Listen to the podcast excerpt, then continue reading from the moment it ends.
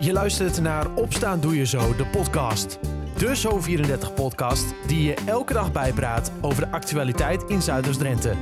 In een klein kwartier ben jij weer helemaal op de hoogte. Het is dinsdag 7 september 2021. Dit is Opstaan Doe Je Zo, de podcast, aflevering 27. Je kunt je vandaag opmaken voor een mooie zomerse septemberdag. Het wordt maximaal 25 graden in Zuidoost-Drenthe met minimale bewolking. Heerlijk weer voor een zomerse outfit dus. Vandaag hoor je in deze aflevering collega Dylan op bezoek bij Rick Klauke. De nieuwe directeur van het Stedelijk Museum in Koevoorde had gisteren zijn eerste werkdag. Eerst andere historie in de Atlas. Auteurs Martin Berendsen en Paul Brood presenteerden vorige week hun historische Stadsatlas NL. Daarin staat de geschiedenis van de Nederlandse stad centraal. De twee noemen zichzelf de kaartmannetjes. En in de nieuwe atlas van deze kaartmannetjes is ook veel ruimte voor de Drentse steden, zoals Emmen en Koevoorden. Ik praat met Paul over de atlas en vroeg hem wat er in de atlas te zien was. Ja, we hebben ons best gedaan om een beeld te geven van de Nederlandse steden door de eeuwen heen. En ja, Koevoorden en Emmen horen daar natuurlijk ook bij. Zeker Koevoorden natuurlijk, omdat het dan een hele oude vestingstad is. Ja, en jullie hebben dat allemaal samengebundeld in de historische stadsatlas NL. En laten we inderdaad even bij Emmen beginnen. Want ehm, eigenlijk spreek je hiermee een beetje de mensen tegen die altijd tegen mij hebben geroepen van... Ja, maar Emmen is toch helemaal geen stad? Ja, ja, ja precies. Nee, dat, dat, is, uh, dat is ook zo. En, Oh. en de wetenschappers zijn het eigenlijk ook niet over eens wat nou een stad is. Hè? Het is maar welke definitie je kiest. Eh, want je denkt altijd, nou, eh, oude steden, van die oude Hollandse steden met stadsrecht en oude vestingsteden, dat zijn de echte steden. Maar ja, wat doe je dan inderdaad met plaatsen als Emmen, die wij zo'n 100.000 inwoners hebben? En dat kun je toch niet, niet als, eh, ook niet als een stad beschouwen. Nee. Dus uh, we hebben gezegd van ook uh, de jongere, jongere plaatsen die een zekere omvang hebben, die een, een, een gemengde bevolking hebben waar veel uh, industrie en nijverheid is, dat mm. noemen wij een stad. En die nemen wij mee in onze stadsatlas. Nou, dankjewel, want ik zit altijd tegen iedereen te overtuigen, ja, maar stadsrechten worden tegenwoordig niet meer uitgegeven ja. en dat gaat allemaal op inwonersaantal. Dus bij deze is mijn punt in ieder geval bevestigd. Ja, zeker. Ja, je hebt helemaal gelijk. Ja, dankjewel. Uh, Paul, um, laten we even uh, kijken. Want het is natuurlijk een, een groot contrast tussen als we kijken naar Koevoorde en Emmen, neem ik aan, in die, in die atlas. Want het zijn twee totaal verschillende nou ja, steden. Ja, steden, ja. Ja, ja.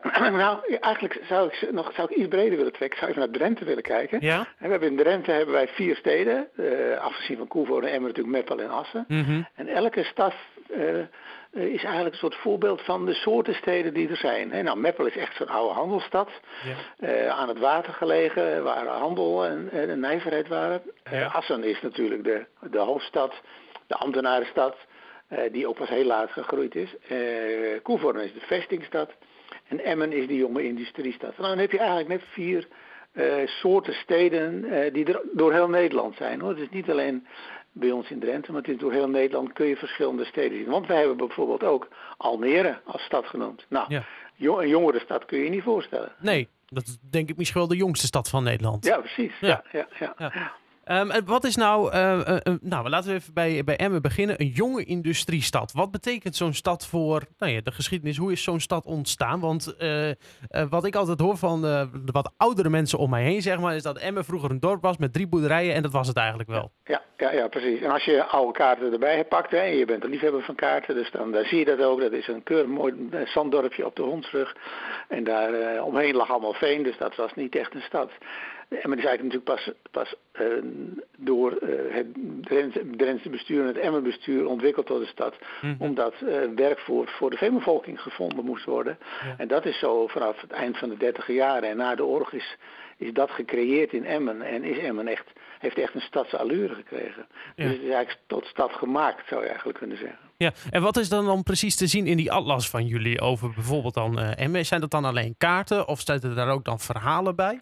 Ja, ja nou, we hebben natuurlijk geprobeerd elke stad een beetje in de tijd te zetten natuurlijk. Hè, want naast Emmen zijn er natuurlijk meer steden in Nederland die een soortzelfde ontwikkeling uh, doorgemaakt hebben. Mm -hmm. En bij Emmen hebben we één aspect eruit gelicht. Dat is de, de, het vernieuwende, de vernieuwende architectuur in Emmen met de, de woningbouw, uh, de woonerven hè, in Emmerhout en, en Emmermeer. Mm -hmm. uh, dat was wel, daar was Emmen dus heel vooruitstrevend mee. En dat hebben we eruit gelicht. Zeggen, nou ja, dat is een aspect van een stad, in dit geval Emmen. Ja, uh, jullie noemen jezelf ook wel uh, de kaartmannetjes. Hè? Jij ja, en jouw ja. collega Martin Berendsen.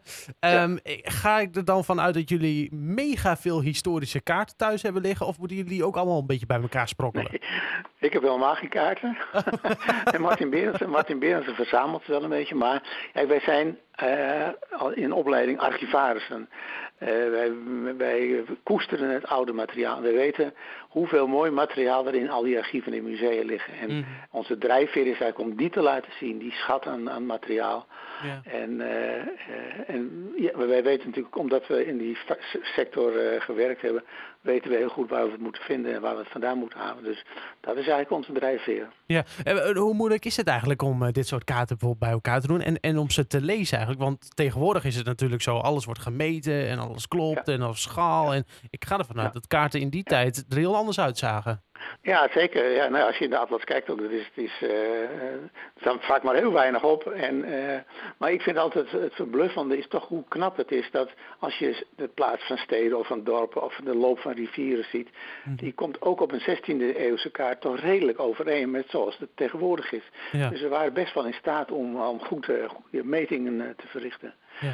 Maar ja, om de kaart te vinden is eigenlijk, ja, in Drenthe Archief bijvoorbeeld in Assen, waar de, de kaarten van Drenthe liggen, uh, die zijn voor een deel al uh, digitaal te raadplegen en te downloaden. Dus er is al heel veel voor iedereen beschikbaar. En dat is natuurlijk wel heel plezierig van deze tijd. Ja, en dat maakt het voor jullie ook stiekem gewoon een klein stukje makkelijker.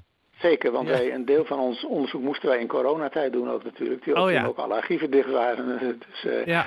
uh, we moesten af en toe ook gewoon digitaal zoeken. En nou is het voordeel dat we hadden een verhaal bedacht over de Nederlandse steden. En daar zoeken we dan de kaarten en andere documenten bij. Ja, ja precies. Um, wat is de. Nee, laten we het eerst nog even heel snel even over Koevoorde hebben. Want volgend jaar is het natuurlijk het 350-jarige ja. set van Koevoorde. Dus dat is ja. wat dat ja. betreft. Uh, ik neem aan dat dat vooral ook wel een beetje terugkomt in de atlas. Uh, nee, dat, niet zozeer. Wel dus dat, dat ja, natuurlijk Berend daar een belangrijke rol gespeeld heeft. Ja. En 1672, laten we zo zeggen, is voor Koevoorde een heel belangrijk jaar geweest. En voor Nederlandse geschiedenis ook. Ja, ja. Was het de, eh, de Koevoorde in dit geval even een, een mooie stad om te onderzoeken voor de Atlas? Want het is natuurlijk een roemrijke geschiedenis. ja, dus het is prachtig kaartmateriaal van Koevoorde. Het was een hele strategisch gelegen vesting. En uh, mm-hmm. die eigenlijk in elke oorlog wel weer een rol speelde. Dus wat dat betreft was Koevoorde heel belangrijk. Ja. Maar, ik zeg er gelijk bij, wij hebben af en toe ook wel eens een kritische noot gezet. En zeker daar ook bij Koevoorde, omdat Koevoorde natuurlijk een hele aardige stad is. Maar als ik nou rondkijk in Koevoorde, dan denk ik, ja, wat is hier nou nog vestingstad aan? Hè? Dat, ja, is, ja. dat is een beetje weg eigenlijk. En dat vond ik, vind ik wel jammer. Uh. Ja, ja. Snap ik. Nou ja, goed, ook die uh, kritische noot is dus toegevoegd aan de historische stadsallas NL. Laten we dat even duidelijk hebben. Dus het is niet alleen maar Emmen, Koevoorde en Drenthe. Nee, NL. Nee hoor, nee. Heel Nederland zit erin. Wat is de oudste kaart die erin te vinden is? De oudste originele kaart is ergens eentje uit, uit de 16e eeuw, 15e eeuw zelfs geloof ik, van het gebied van de, bij Zeeland. De Atlas is verkrijgbaar in de boekhandel en wordt donderdag officieel gepresenteerd in Emmen, wanneer burgemeester Erik van Oosterhout een exemplaar overhandigd krijgt. Zometeen in deze podcast nog meer geschiedenis in het Stedelijk Museum in Koevoorde. Je hoort de laatste updates en de nieuwe directeur. Eerst de laatste update van het nieuws uit Zuidoost-Drenthe. In Drenthe kunnen zo'n 45.000 mensen niet goed lezen en schrijven. Dat is zo'n 11% van de Drentse bevolking. Daarom openen bibliotheken informatiepunten waar Drenthe terecht kunnen voor hulp bij computerzaken. Dit is in het kader van de Week van Lezen en Schrijven. In deze week wordt de aandacht gevestigd op mensen die moeite hebben met lezen en schrijven. Het koninklijk besluit is genomen. Renze Bergsma is per 1 oktober dit jaar benoemd tot burgemeester van de gemeente Koevoorden. Commissaris van de Koning Jette Kleinsma beëdigt Bergsma op 1 oktober in een bijzondere raadsvergadering. Hiermee is de laatste stap gezet in de benoemingsprocedure voor de nieuwe burgemeester. In januari gaf Bert Bouwmeester aan af te zien van een vierde termijn als burgemeester. Inwoners van de gemeente Emmen betalen vanaf volgend jaar 7 euro voor iedere keer dat de grijze container wordt geleegd, ongeacht de hoeveelheid afval die aan straat wordt gezet. Elke één of twee persoons huishouden betaalt daarnaast een vast bedrag van 220 euro per jaar aan afvalstoffenheffing. Inwoners betalen momenteel een bedrag tussen de 275 en 310 euro aan die heffing. De gemeente schat in dat de kosten voor inwoners, ondanks het nieuwe systeem, nagenoeg gelijk blijven. Bewoners van appartementencomplexen en flats die dus geen container hebben, betalen straks 2 euro voor elke gedumpte afvalzak in de ondergrondse container. En Nick Bakker speelt de rest van dit seizoen voor SC Heerenveen. De centrale verdediger was de afgelopen jaren voor FC Emmen actief. Hij vertrok deze zomer transfervrij om op zoek te gaan naar een nieuwe uitdaging. En heeft deze nu dus gevonden in Heerenveen. Voor meer nieuws uit de regio kun je altijd kijken op zo34.nl of in de gratis Zo34-app. Daar lees je ook het verhaal hoe Rick Klauke zijn eerste werkdag in het Stedelijk Museum in Koevoorde heeft ervaren. De nieuwe directeur begon zijn nieuwe baan deze week en collega Dylan zocht hem op. We staan voor in het museum. Rick Klauke, nieuwe directeur. Hoe bevalt dat nou zo als je hier staat? Nou, hartstikke goed natuurlijk. Ja, het voelt heel vertrouwd. Eerste werkdag. Maar ja, eh, we zijn heel druk bezig eigenlijk op deze dag. Ja, en meteen uh, dus druk bezig. Laten we er even doorheen lopen. Want uh, nu lopen we door de reguliere expositie. Die er eigenlijk altijd is. Maar we gaan uh, nog eentje naar boven, hè? Ja, nee, klopt. Hier staat dan de, de vaste collectie. Die is er altijd. En op de volgende verdieping, de tweede verdieping, hebben we altijd wisselende tentoonstellingen. En we zijn nu druk bezig inderdaad om die, uh, om die af te breken. Trap op in het uh, oude arsenaal, mooi pand hier. Ja, ja, absoluut. Mensen moeten echt een keer komen kijken als ze hier nog niet geweest zijn. Want ja, dat, ik hoorde al dat de nieuwe directeur aan het woord is. maar hier komen we dus bij de tijdelijke expo expositie. En er wordt druk gewerkt. Uh, vertel eens. Ja, zeker. Nee, hier inderdaad, hier was de tentoonstelling onder andere van Rudy Huisman. licht uit spot aan.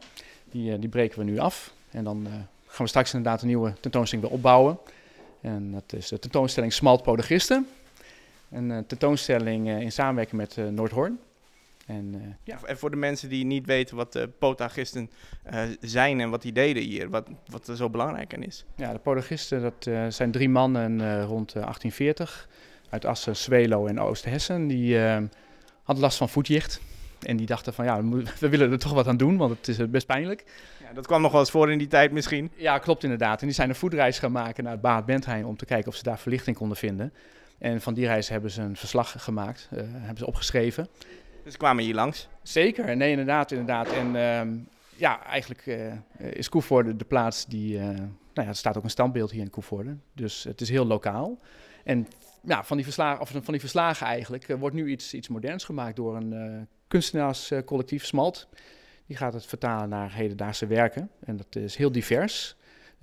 Ik kan er nog niet zo heel veel over zeggen. Komt ook omdat het mijn eerste werkdag is. Maar ik denk ook dat mensen dat zelf moeten zien. Maar ja, dat is, dat is de tentoonstelling die wij vanaf komende zondag gaan openen. En dan een tijdje hier zullen hebben als tijdelijke tentoonstelling. Dat is een heel mooi lokaal verhaal eigenlijk. heel ja, klein wou ik het zeggen, maar typisch iets voor Koevoorde. Ja, zeker. Maar het is ook wel heel, heel, heel tijdsbepalend voor die tijd geweest. Want zij, ja, zij beschrijven eigenlijk inderdaad het Drenthe. Um, van, van die tijd, van rond, rond 1840, 1850. Ja, er waren nog geen camera's en er waren nog geen uh, uh, beelden van die tijd natuurlijk. Nee, precies. En geen mobiele telefoons waar, je, waar iedereen tegenwoordig foto's mee kan nemen. Dus het, het ja, het beeld daarvan is echt heel bepalend wat zij ervan op, hebben, op hebben geschreven. En ja, ze zijn daar, daarom ook wel best wel bekend.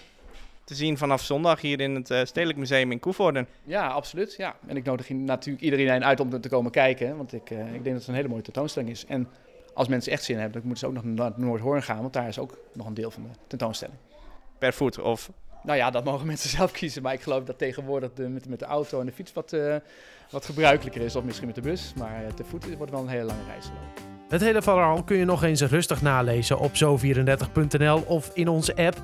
Daar lees je ook meer over de nieuwe tentoonstelling Smalt Podagristen, welke dus zondag van start gaat. Tot zover. Opstaan doe je zo, de podcast van dinsdag 7 september 2021. Een fijne dag en tot morgen.